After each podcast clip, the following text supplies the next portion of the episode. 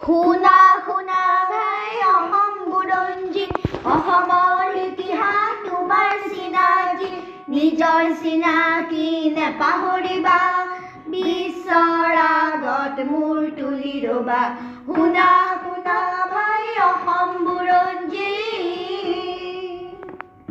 আইতা তুমি আজি সামৰিক প্ৰশাসনৰ বিষয়ে ক'ম বুলি কৈছিলো অঁ। সামৰিক প্ৰশাসন মানে যুদ্ধ কলা। আমাৰ যেনেকৈ এতিয়া বেলেগ বেলেগ আৰ্মি আছে নেভি আছে হয় নহয়?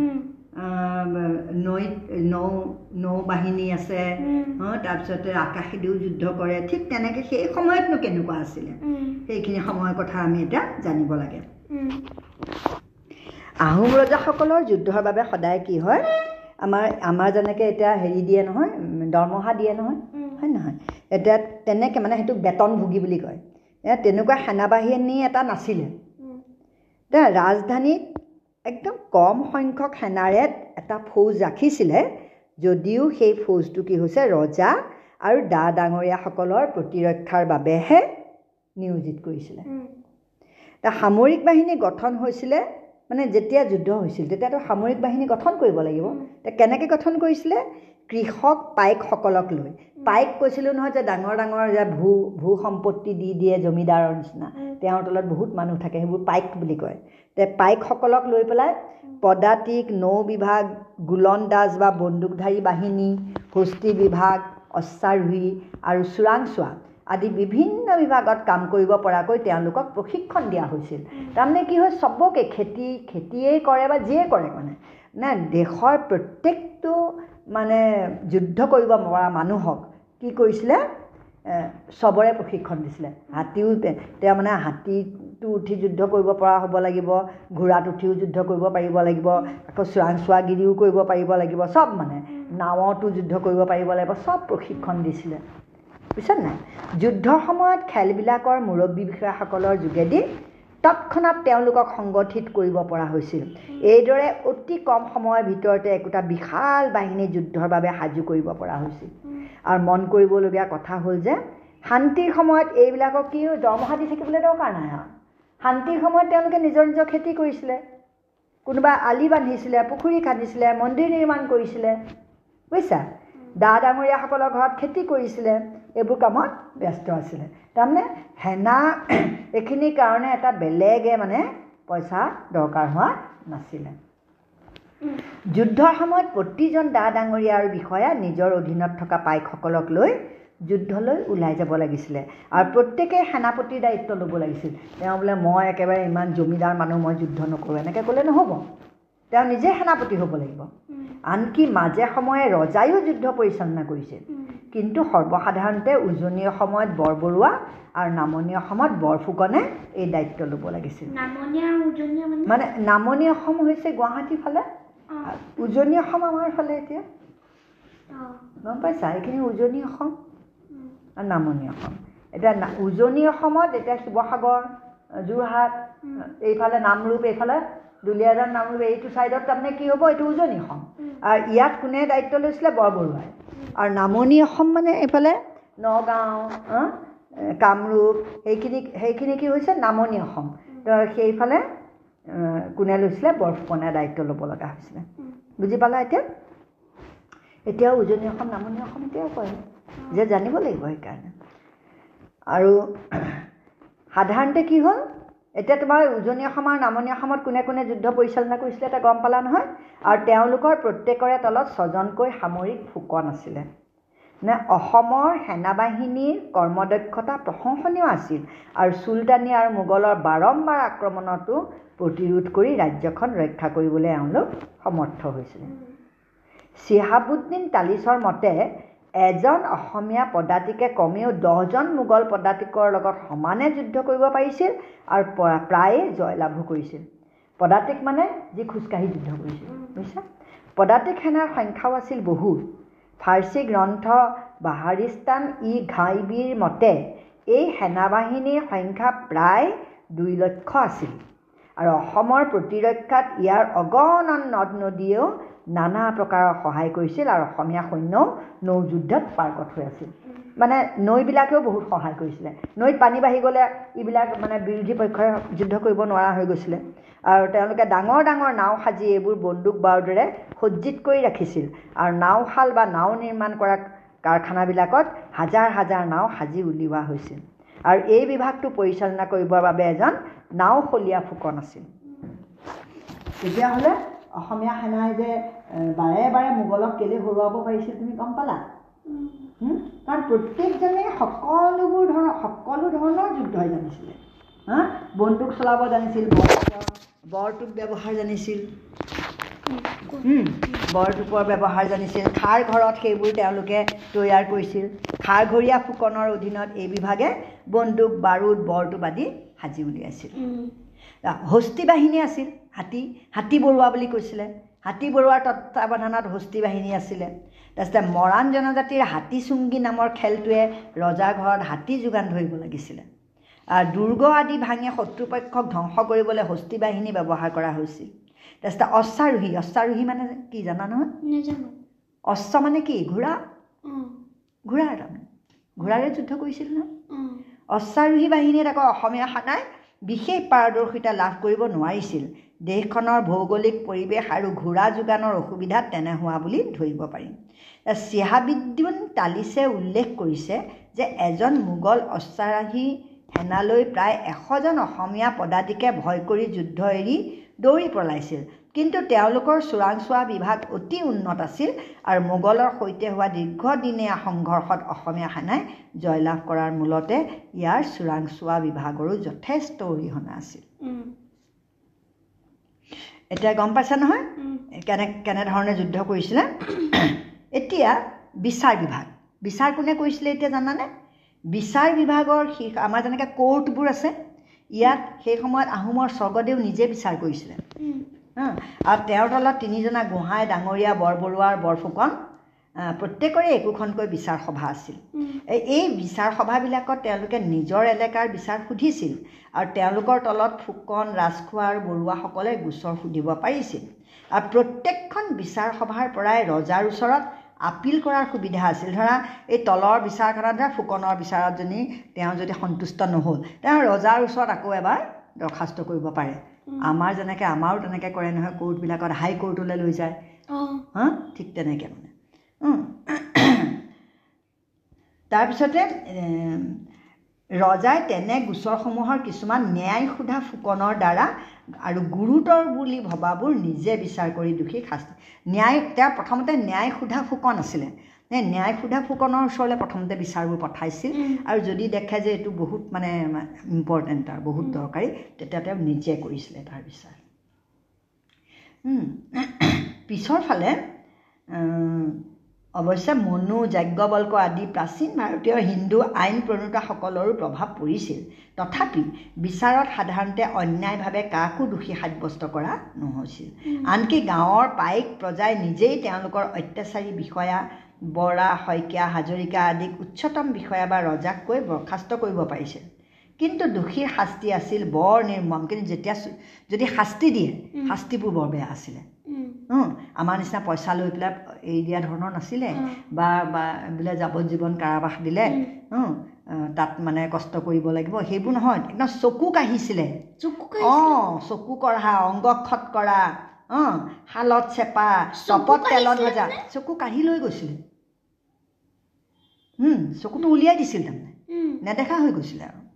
তেনেকুৱাবোৰ তেনেকুৱাবোৰ তেলত ভজা ভাজিব? অঁ তেলত গৰম তেলত পেলাই দিছিলে হাতীৰে গছকাইছিলে সেইকাৰণে ইমান ভয় কৰিছিলে আকৌ শাস্তি পাব লাগিলে আমাৰতো শাস্তি পালে হ'ল আৰু পইচা দিলোঁ ওলাই আহিলোঁ সেইটো নহয় নহয় সেইটো মই সেইকাৰণে শাস্তিবোৰ এনেকুৱা ধৰণৰ আছিল কাৰণে মানুহে ভয় খাইছিলে। বেয়া কাম কৰিব নোৱাৰিছিলে হা ডিঙিত বান্ধি পেলাই ওলমাই থৈছিলে তাৰমানে ফাঁচি দি দিছিলে জীয়াই জীয়াই পুতি থৈছিলে ভৰিত তুলি ভূৰ ভূৰ যে থাকে এই কলগছৰ ভূৰ বনাই যে বানপানীত তই দেখিছ না বানপানী হ'লে কলগছৰ এনেকৈ ভূৰ মানে নাৱৰ নিচিনাকৈ বনাই পেলাই মানুহবোৰ যায়। সেই তেনেকুৱাবিলাকত বান্ধি পেলাই না নৈত পেলাই দিছিলে। বুজিছা? পানীত ডুবাই পেলাই মাৰিছিলে এনেকুৱাবোৰ দণ্ড আছিলে। আৰু কিছুমানৰ নিৰ্বাসন দণ্ড দিয়াৰো নিৰ্বাসন? নিৰ্বাসন মানে এই দেশৰ পৰা গুচি যা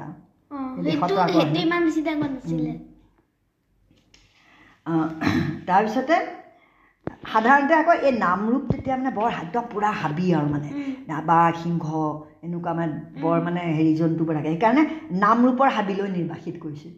হাবিলৈ পঠাই দিছিল নামৰূপৰ হাবিলৈ যাগে বুলি কৈছিল। বুজিছা? আৰু সকলো বিচাৰ সভাতে বিচাৰকে মৃত্যুদণ্ড বিহিব নোৱাৰিছিলে। ডাঙৰীয়াসকল আৰু বৰবৰুৱা বৰফুকনে ৰক্তচ্ছেদ নকৰাকৈ প্ৰাণ দি- দণ্ড দিব পাৰিছিল। ৰক্তচ্ছেদ মানে তেজ ওলাব নোৱাৰিব তেনেকৈ প্ৰাণদণ্ড দিছিল। ৰজাইহে সকলো প্ৰকাৰৰ শাস্তি বিধান কৰাৰ অধিকাৰ আছিল। আৰু শাস্তিৰ ধৰণ বহু সময়ত অমানৱীয় আছিল আৰু ওপৰ মহলৰ কুচক্ৰান্তত পৰিও কেতিয়াবা কেতিয়াবা ভুল বা অনানুপাতিক শাস্তি বিধান কৰা হৈছিল। গতিকে এনেকৈ শাস্তিবোৰ এনেকুৱা ধৰণৰ গম পালা নহয়।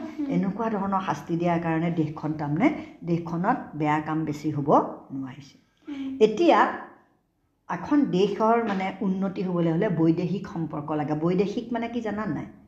মানে আমাৰ দেশখনৰ লগত বাহিৰা দেশৰ কি সম্পৰ্ক? এতিয়া ভাৰতৰ লগত। ভাৰতৰ লগত বেলেগ বেলেগ দেশলৈ যে যায় আমাৰ আমাৰ। প্ৰধানমন্ত্ৰী যে যায়। আমেৰিকালৈ যায় মানে তেওঁলোকৰ লগত সম্বন্ধবোৰ ভাল কৰিবলৈ আৰু তেতিয়া অঁ আহেও তাৰমানে সেই তেনেকৈ মানে আমাৰ সম্পৰ্কবোৰ ভাল কৰিবলৈ চেষ্টা আৰু সেইটো সময়ত আহোমসকলেও সেইটো কাম কৰিছিলে কেনেকৈ কৰিছিলে শুনা সপ্তদশ শতিকাৰ আগলৈকে আহোম ৰজাসকলে চুবুৰীয়া জনজাতীয় ৰজাবিলাকৰ লগত সম্পৰ্ক ৰাখিয়েই এখন শক্তিশালী ৰাজ্য গঠন কৰাত ব্যস্ত আছিল। কিন্তু তাৰমানে বেলেগ বেলেগ ৰাজ্য আছিল ন কোচ ৰাজ্য কছাৰী ৰাজ্য মই অহাবাৰ তোমাক সেইবোৰ কথাও ক'ম। মানে কোচ ৰাজ্যৰ কথা কছাৰী ৰাজ্য জয়ন্তীয়া এনেকুৱা বেলেগ বেলেগ ৰাজ্যবোৰ আছিলে।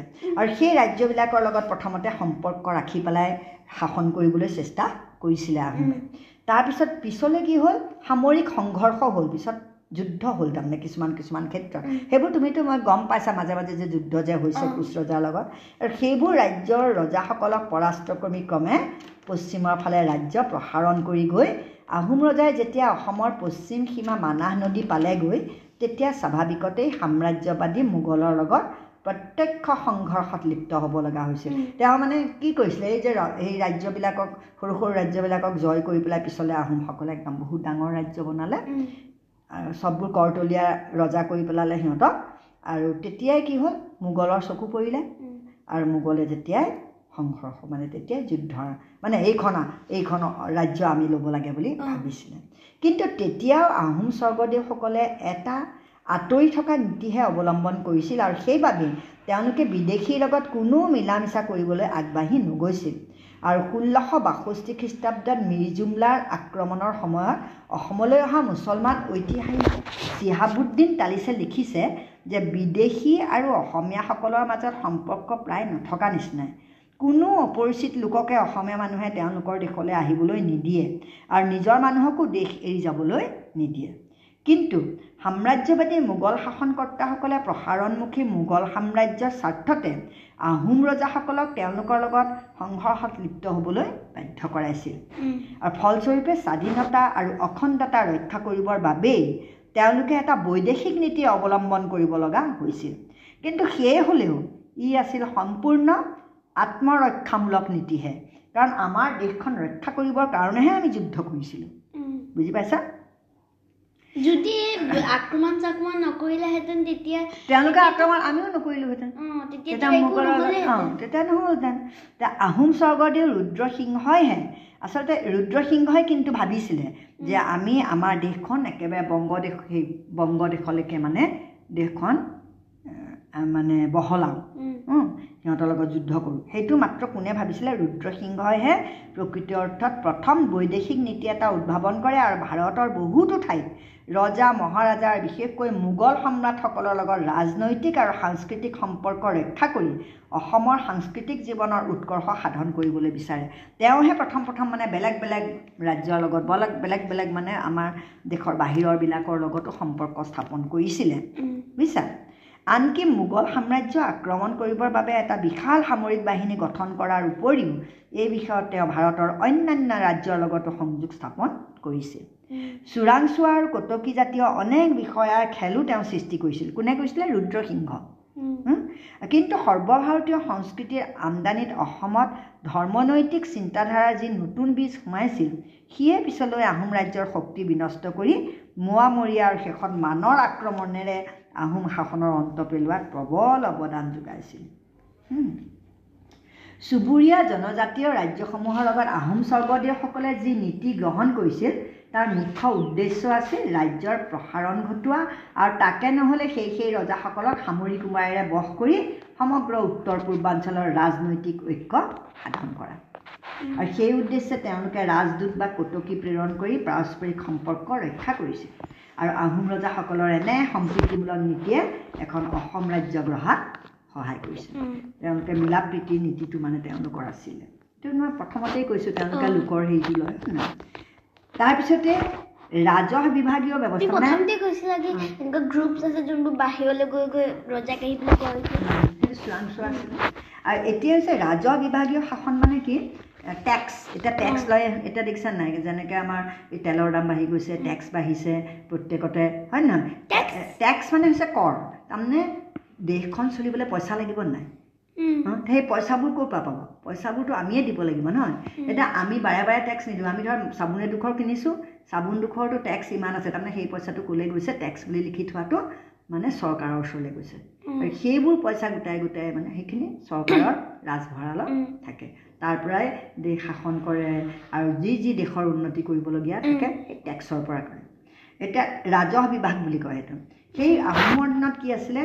পাইক প্ৰথাৰ উল্লেখ কৰি আহোঁতে আমি পাইকৰ মাটিৰ ওপৰত থকা অধিকাৰ কেনে আছিল তাক কৈ আহিছোঁ যে পাইকবোৰ থাকে যে তাৰ পৰা তাৰ জমিদাৰক পইচা দিব লাগে তাৰ। খাজনা দিব লাগে। তেওঁলোকে খাজনা? মানে টেক্স কৰ। আৰু তেওঁলোকে দুপুৰাকৈ শালি খেতিৰ উপযোগী মাটি বিনা খাজানাই ৰজাৰ পৰা পোৱাৰ উপৰি হাবি ভাঙি নতুন মাটি উলিয়াই ল'বও পাৰিছিল। কিন্তু তাৰ বাবে প্ৰতি পুৰা মাটিত এটকাকৈ তেওঁলোকে ৰাজকোষলৈ ৰাজহ দিব লাগিছিলে। তেওঁলোকে যদি ৰজাই দিয়া মাটিৰ উপৰিও যেতিয়া বেলেগ মাটি ল'ব তেতিয়া তেওঁলোকে তাৰ খাজনা দিব লাগিব। এক টকা? তেতিয়াতো এক টকা বহুত আছিল নহয়। তথাপি ৰজাই আৱশ্যক হ'লে এই মাটিখিনিকো অধিগ্ৰহণ কৰিব পাৰিছে। আকৌ ৰজাই লৈও ল'ব লাগিছিল পাৰিছিল সেইখিনি মাটি। তাৰ উপৰি তেওঁলোকে ঘৰ সাজিবলৈ বাৰী মাটি বা একোখন বাৰী ৰাখিব পাৰিছিল। প্ৰথম অৱস্থাত এই মাটিৰ ওপৰতো কোনো খাজনা লোৱা নহৈছিল। কিন্তু পৰৱৰ্তী কালত বাৰী মাটিৰ ওপৰত এটকা হাৰত খাজনা বহুৱাইছিল। আৰু বাৰী মাটিৰ ওপৰতো পাইকৰ স্থায়ী স্বত্ব নাছিল। ৰজাই তেওঁলোকক ইচ্ছা কৰিলে তুলি নি অন্য ঠাইত পাতিব পাৰিছিল। এনেবোৰ দিশে প্ৰত্যয় নিয়াই যে মাটিৰ ওপৰত কৃষকৰ স্থায়ী অধিকাৰ নাছিল সেইটো। অঁ তেনেকুৱাই আছিলে। মানে এক টকাত মানে এশ পইচা এশ পইচা মানে এক পইচাটো বস্তু পায় নহয় তেতিয়া। বুজিছা? এশ টকাৰ নিচিনাকৈ অঁ এশ টকাৰ নিচিনা আছিল। ৰজাৰ পৰিয়ালবৰ্গ বিষয়া আৰু ৰাজপুৰোহিত শ্ৰেণীৰ হাতত একোটা বিস্তীৰ্ণ এলেকা আছিল। গোটেই ডাঙৰ ডাঙৰ সিহঁতি মাটি লৈ পেলাই তাত মানুহ দুনুহ বহাই পেলাই আছিলে। একদম ৰজাৰ। নিচিনা। তেওঁলোকৰ মানে আধা আধি ৰজাৰ নিচিনাই আছিলে তেওঁলোকো। আৰু এইবিলাক তেওঁলোকে ৰজাৰ পৰা মঞ্জুৰি হিচাপে পাইছিল আৰু আহোম বংশধৰ উচ্চবৰ্গৰ বিষয়াসকলে পূৰ্ব চৰ্ত হিচাপে বিস্তৃত পৰিমাণৰ মাটি ৰজাৰ পৰা পাইছিল।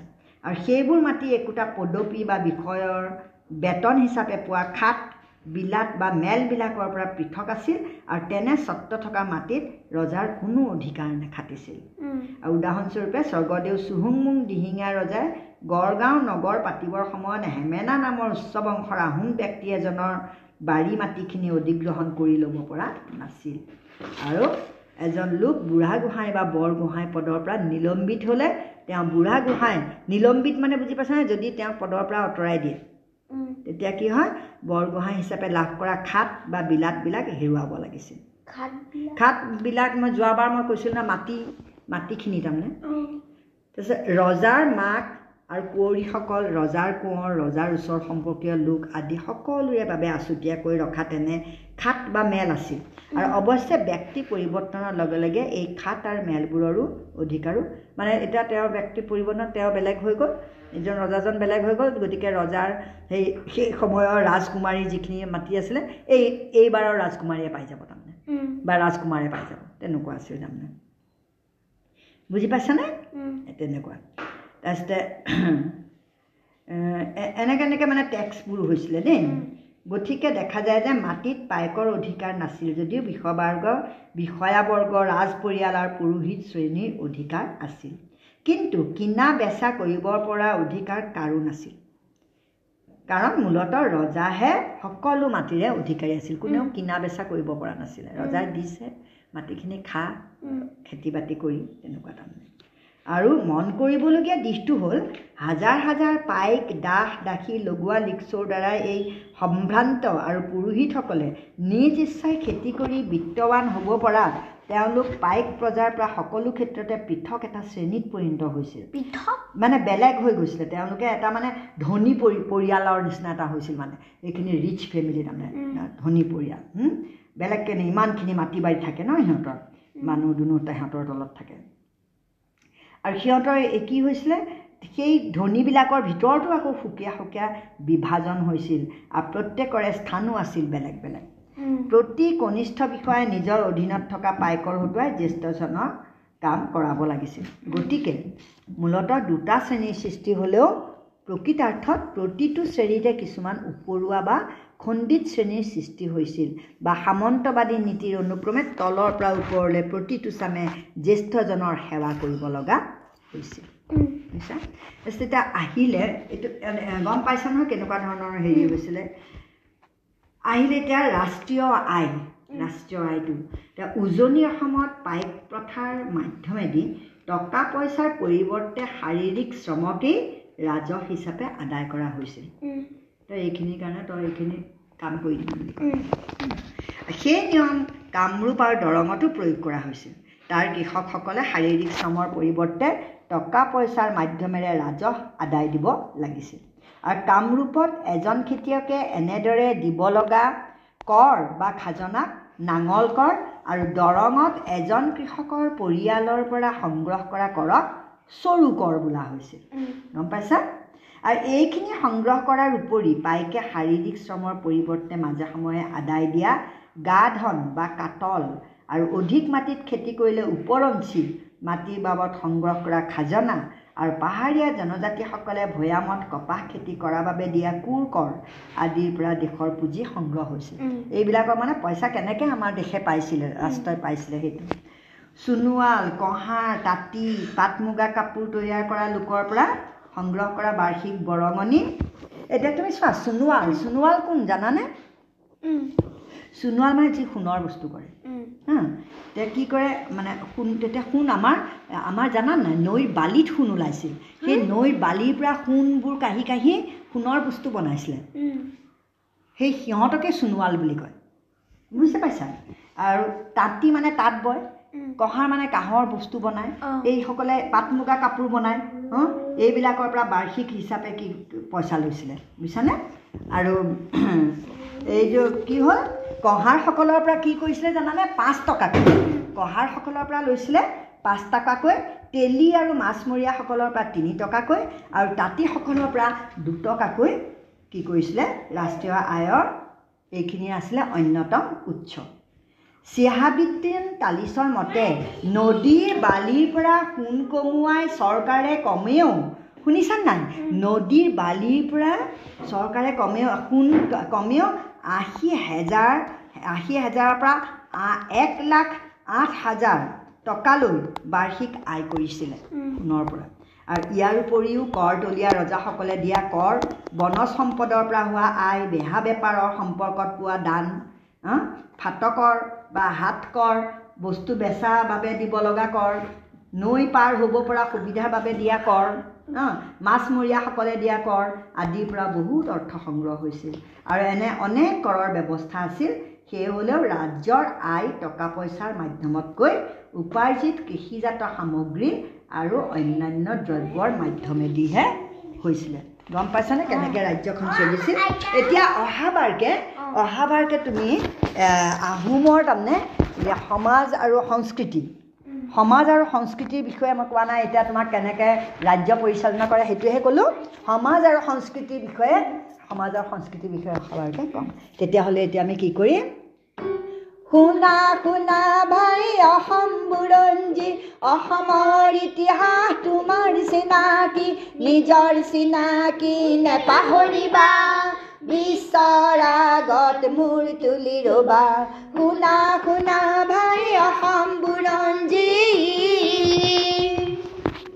আমাৰ চেনেলটো ফ'ল' কৰি দিব ভিডিঅ'বোৰ লাইক কৰি দিব আৰু শ্বেয়াৰ কৰি দিব।